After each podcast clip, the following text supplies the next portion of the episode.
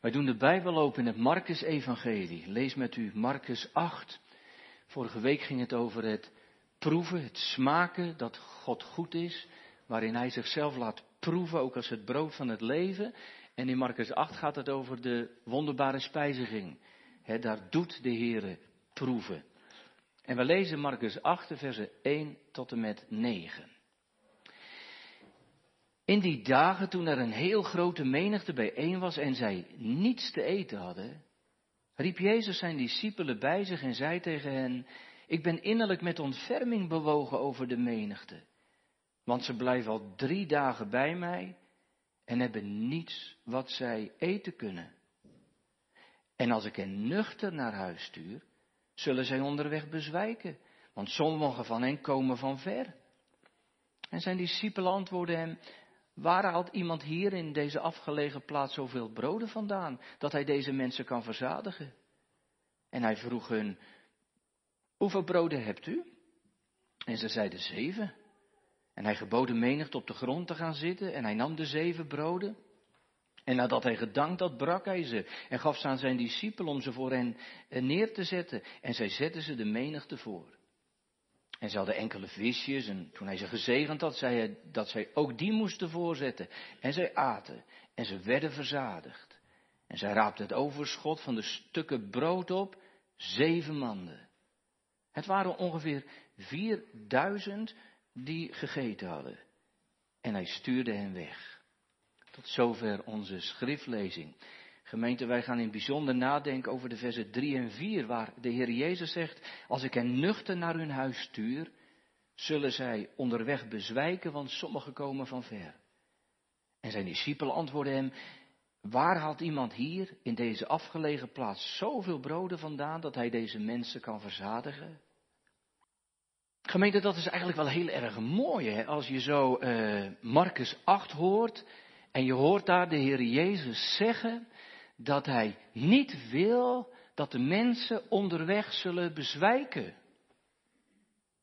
Drie dagen lang zijn ze bij hem geweest. Gegeten hebben ze niet. En de Heere weet dat ze van ver gekomen zijn en dat ze hun thuis nooit zullen halen op eigen kracht. En dan wordt de Heere Jezus, zou je kunnen zeggen, innerlijk met ontferming over, over die mensen bewogen die daar bij hem zijn. Hij zegt dan, als ik hen nuchter naar huis stuur, dan, dan zullen ze onderweg bezwijken. Zo ernstig was het wel. Misschien, gemeente, misschien is er vanmorgen wel iemand hier in de kerk of met ons verbonden die in zeker opzicht ook nuchter is. Zou toch kunnen? Je bent leeg. Je zit op de bodem. Je kunt even niet verder in eigen kracht. Herkent u dat? Of sommigen van u? Of jij? Je, je, bent, je bent leeg, of, nou ja, je kunt ook zo zeggen, je bent in ieder geval niet gevuld genoeg. En, en je moet verder, maar in eigen kracht heb je niets om verder mee te kunnen. Mensen zeggen dat soms ook, hè? gewoon in het spraakgebruik. Het is op. Of ik ben op.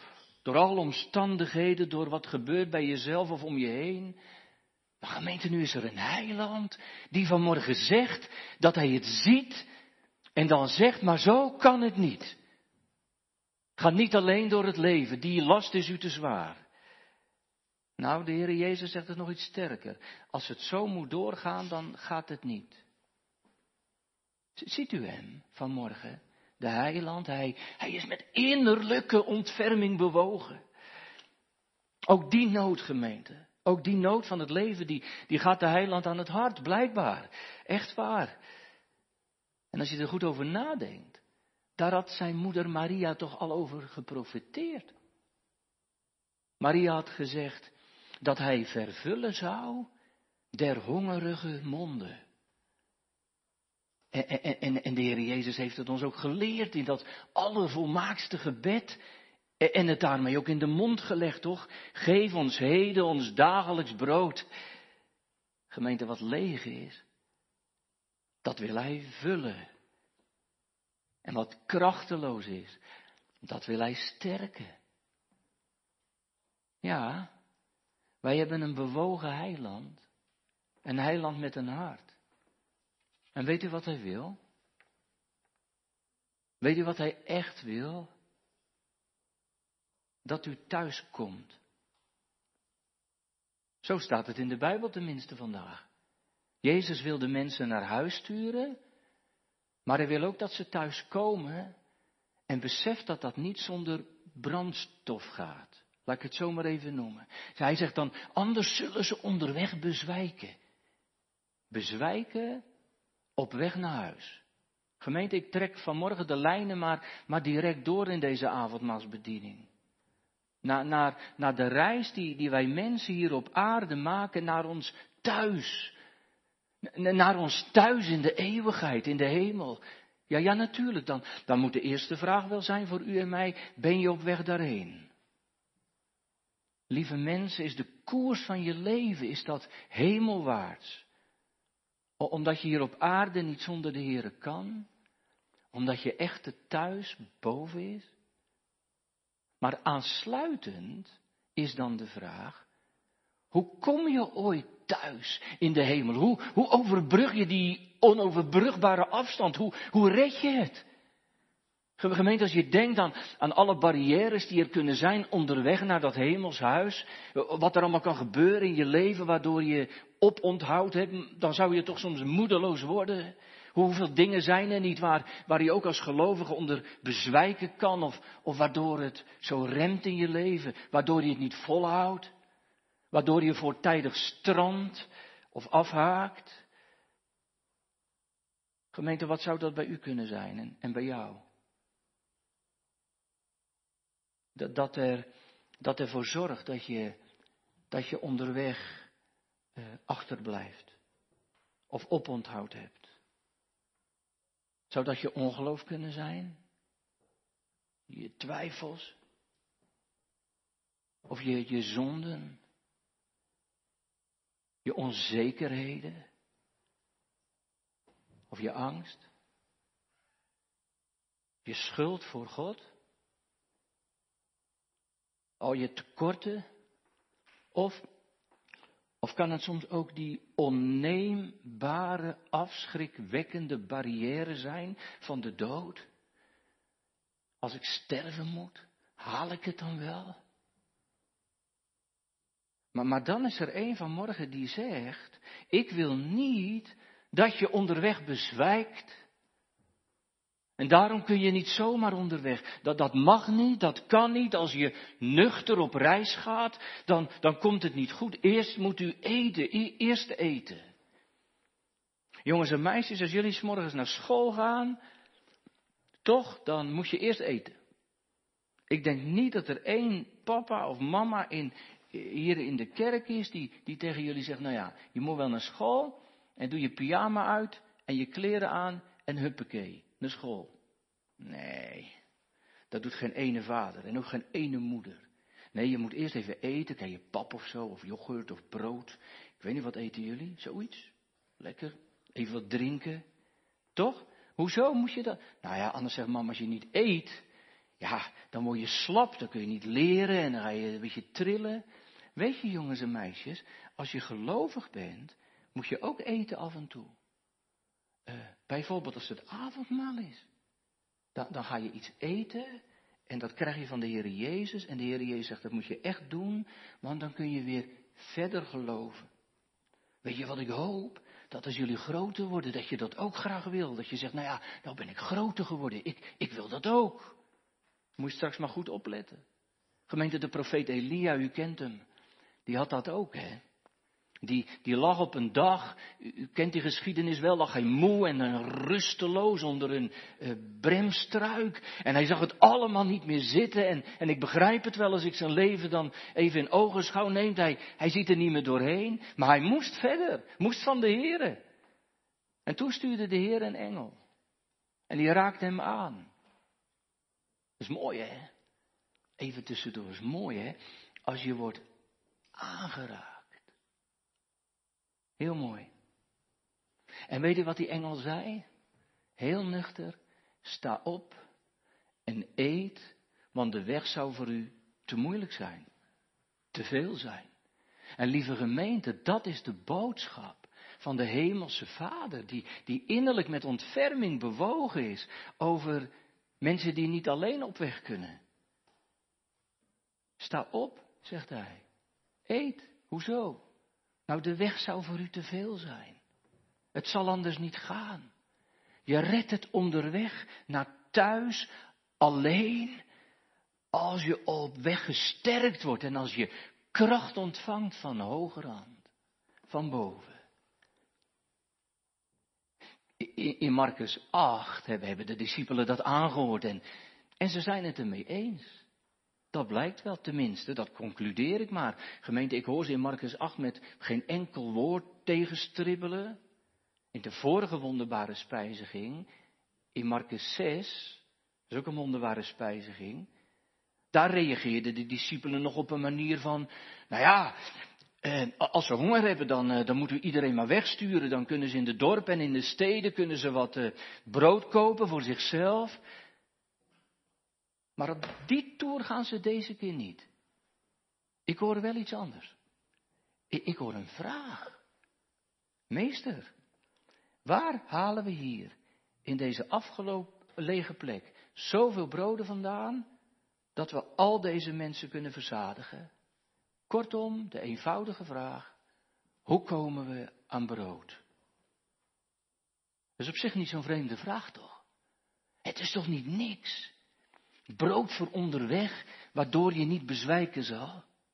En waar hou je dat vandaan? En als je al die mensen telt die daar zijn, en, en, en alleen de hoofden van de gezinnen werden geteld, de mannen, dan, dan zijn het er al 4000. Daar stonden duizenden mensen. Waar moet dat brood vandaan komen? Voor al die mensen. Ja, heeft u zich die vraag wel eens gesteld? Misschien vandaag? Hebt u zich vandaag niet de vraag gesteld, waar moet het brood vandaan komen? Brood om mij te voeden? Brood voor een zondaar? Ik bedoel natuurlijk niet het brood dat we vanmorgen gewoon gesneden hebben. En wat gisteren bij de bakker gekocht is. Dat ligt er wel. Maar u begrijpt me wel, hè? Dat het zit iets dieper weg. Eh, het betekent ook iets dieper. Waar, waar komt dat echte brood vandaan? Wat je nodig hebt. Brood om thuis te komen, om gevoed te raken, om het onderweg vol te houden. Waar komt het brood vandaan? Nou, dat is ook de vraag van de discipelen. Ja, zegt u maar, wacht even hoor. Dat konden die discipelen toch weten? Waar is hun geloof? De Heer is er toch? Die, die, u zegt net in de preek dat in Marcus 6 een andere broodvermenigvuldiging was. Dat was vlak daarvoor, kort geleden. Toen hebben ze het met eigen ogen gezien. Jongens en meisjes, toen was er een kind, hè, wat heel belangrijk was bij die wonderbare spijziging. Een jongetje. Vijf broden en twee vissen bracht hij bij de Heer Jezus. Daar was, was toen het allerbelangrijkste was een kind. Mooi man. Gemeente, en dat is nog maar net terug. Daar hebben ze het toch gezien. Vijf broden, twee vissen. En er waren nog meer mensen. Vijfduizend mannen worden daar geteld. Waar is hun geloof? Maar dat kan ik ook aan u vragen vanmorgen. Waar is uw geloof? Waar is uw geloof dat het echt allemaal goed komt? Onderweg. Misschien wel in de tijd waarin we leven. Waarin we ons hartstikke zorgen maken over weet ik niet wat. Waar is uw geloof? Dat het goed komt. Dat het met de Heere God altijd goed komt. Dat Hij alle dingen in handen heeft. Waar is uw geloof dat het teerkost is voor onderweg? Dat je thuis komt omdat God het goed maakt. Hebt u dat altijd? Echt? Ook als je wel eens in de woestijn van het leven bent, of in een woeste plek, zoals vandaag in Marcus 8. Als je het even allemaal niet meer ziet of helder hebt, omdat je mens bent. En zo vaak blind. Ik, ik, vond het opmerkelijk dat in Marcus 6, bij die eerste broodvermenigvuldiging staat, in Marcus 6, vers 52, daar staat dat de harten van de discipelen verhard waren. Zij hadden het wonder van het brood niet begrepen, dus toch niet. Schaamteloos eigenlijk. Maar wij dan? Maar wij dan, gemeente, hoe lang geleden is het dat wij avondmaal vierden? Begin september toch? is nog geen drie maanden terug. Maand of twee. Tweeënhalf. En je kreeg genadebrood. En je kreeg teerkost voor onderweg. En bemoediging van boven. Maar daarna. Hoe ging het daarna? Gemeente, daarna zijn we het zo vaak weer vergeten. Dan denken we serieus dat we onderweg te veel problemen hebben. Daarna heb ik zo makkelijk weer gezondigd. Daarna, daarna was mijn hart zo vaak weer verhard. Heeft u daar nooit last van? Ik wel. De ene dag denk je, de ene dag denk je, ik, ik, ik kom er. De Heer is goed. En de andere dag denk je, waar is het gebleven? Toch? Waar, waar halen we brood vandaan? Is het niet de vraag die de Heer Jezus u en mij vandaag aan het hart legt bij deze avondmaalsviering, zodat je ontdekt dat je het zelf niet hebt? Kijk maar eens naar je handen, ze zijn leeg. Waar haal ik brood vandaan? Ik heb het niet. En, en, en, en hoe moet ik eraan komen? Brood. En, en, zou, zou, die vraag, zou die vraag ook niet een beetje uh, onder die vraag van de discipelen ook zitten, van wij hebben lege handen, want, want gemeenten, zij zoeken namelijk niet naar oplossingen, hè? Eerder wel. Maar die eerste keer zeiden ze, de mensen moeten maar een beetje in de dorpen en dingen en dan gaan ze brood. Maar nu hebben ze geen oplossingen. Ze leggen de vraag meteen terug bij de Heer. Meteen. Ze vragen meteen aan Jezus zelf, waar halen we brood vandaan? Op deze afgelegen plek. Eén ding is duidelijk, dat, dat hoor je. In, in hun vraag klinkt, klinkt onvermogen door. Wij, wij kunnen het niet, toch? Maar hoe dan? Waar moet het vandaan komen? Zouden ze, zouden ze, dat is nog wel door me heen gegaan bij de voorbereiding, zouden ze met het stellen van die vraag ook misschien nog gedacht hebben aan de woestijnreis van Israël? Israël ging ook door de woestijn, door een woestenij in ieder geval. En Israël kreeg manna, he.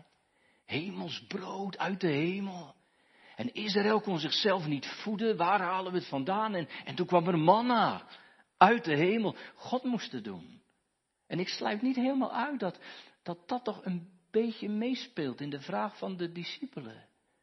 Ze leggen het terug in zijn handen. En in hun vraag laten ze als het ware hun lege handen zien. De gemeente, dat mag u ook doen vanmorgen. Je komt niet naar het avondmaal met handen vol geloof, met handen vol bekering, met handen vol ik ben uitverkoren, met handen vol schuldbeleidenis, met handen vol vergiffenis. Je komt naar het heilige avondmaal met lege handen. Want je komt ontvangen, lege handen, mogen wij ook doen. En, en, de, en de Heere zegt, en de Heere zegt tegen mensen met lege handen, je moet eten hoor. Je, je, moet, uh, je moet geestelijk gevoed worden. Anders kom je er niet, anders kom je niet thuis. En ik? Ik leg het terug bij hem. Brood in de woestijn, heren, ik kan het niet maken. En weet u, Weet u, dan maakt de Heer Jezus zijn discipelen geen enkel verwijt. Geen enkel. Had gekund toch? Hij had kunnen zeggen, wat is dat nou met jullie? Die andere wonderbare spijziging, dat is nog maar net geleden. Hij had kunnen zeggen, jongens, waarom geloven jullie het niet? Hij had kunnen zeggen, maar jullie weten toch dat ik de Messias ben? Hij had van alles kunnen zeggen. Maar hij zegt niks.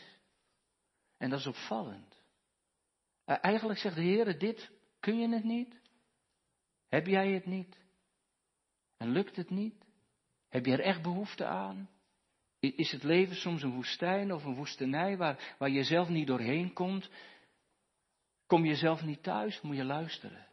Dan zal ik het maken. Ik zal verzadigen. En hoe? Ja, gemeente door een wonder, hè? Opnieuw, opnieuw komt er brood uit zijn handen. Opnieuw deelt hij uit. Opnieuw schept hij genade. Opnieuw geeft hij teerkost voor onderweg, waardoor je thuis kunt komen. Gemeente, wat je uit de handen van de Heer ontvangt, daar, daar kun je mee thuiskomen. Thuis met een hoofdletter, hè? Gemeente, in het avondmaal straks deelt de Heer Jezus zichzelf uit. Hij breekt zichzelf aan het kruis. En het brood des levens breekt. En het vermenigvuldigt. En zo wordt het tot een rantsoen voor velen. En aan wie geeft hij dat dan? Nou, aan wie niks heeft. Aan de vragers. Zijn die er vanmorgen? Aan de vragers. Heren, ik kom niet thuis als u me niet thuis brengt. Ik ontvang geen vergeving als u geen genade schenkt. Ik zie u niet als u mij de ogen niet opent. Ik hou het niet vol in geloof als u het niet geeft. Heren, heren, we zijn onderweg. En we moeten door. Ja, we moeten door. Als je thuis wil komen. Maar ik heb geen brandstof, heren. Ik heb geen brood voor, voor onderweg. Waar kan ik het vinden? En dan, dan moet u goed luisteren naar zijn antwoord.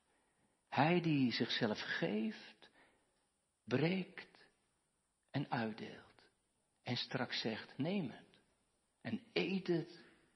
Gedenk en geloof het dat dat brood gebroken is, dat ik dat ben en dat het gebroken is tot een volkomen verzoening voor, voor al uw zonden. Ik zal het doen. Gemeente avondmaal vieren, dat is brood uit de hemel krijgen. Jezus zegt, kom maar. Bij het kruis moet je zijn. Daar wordt gedeeld. Kom dan. Want alle dingen zijn gereed. Sta op en eet. Want de weg zou anders voor u te zwaar zijn. Amen.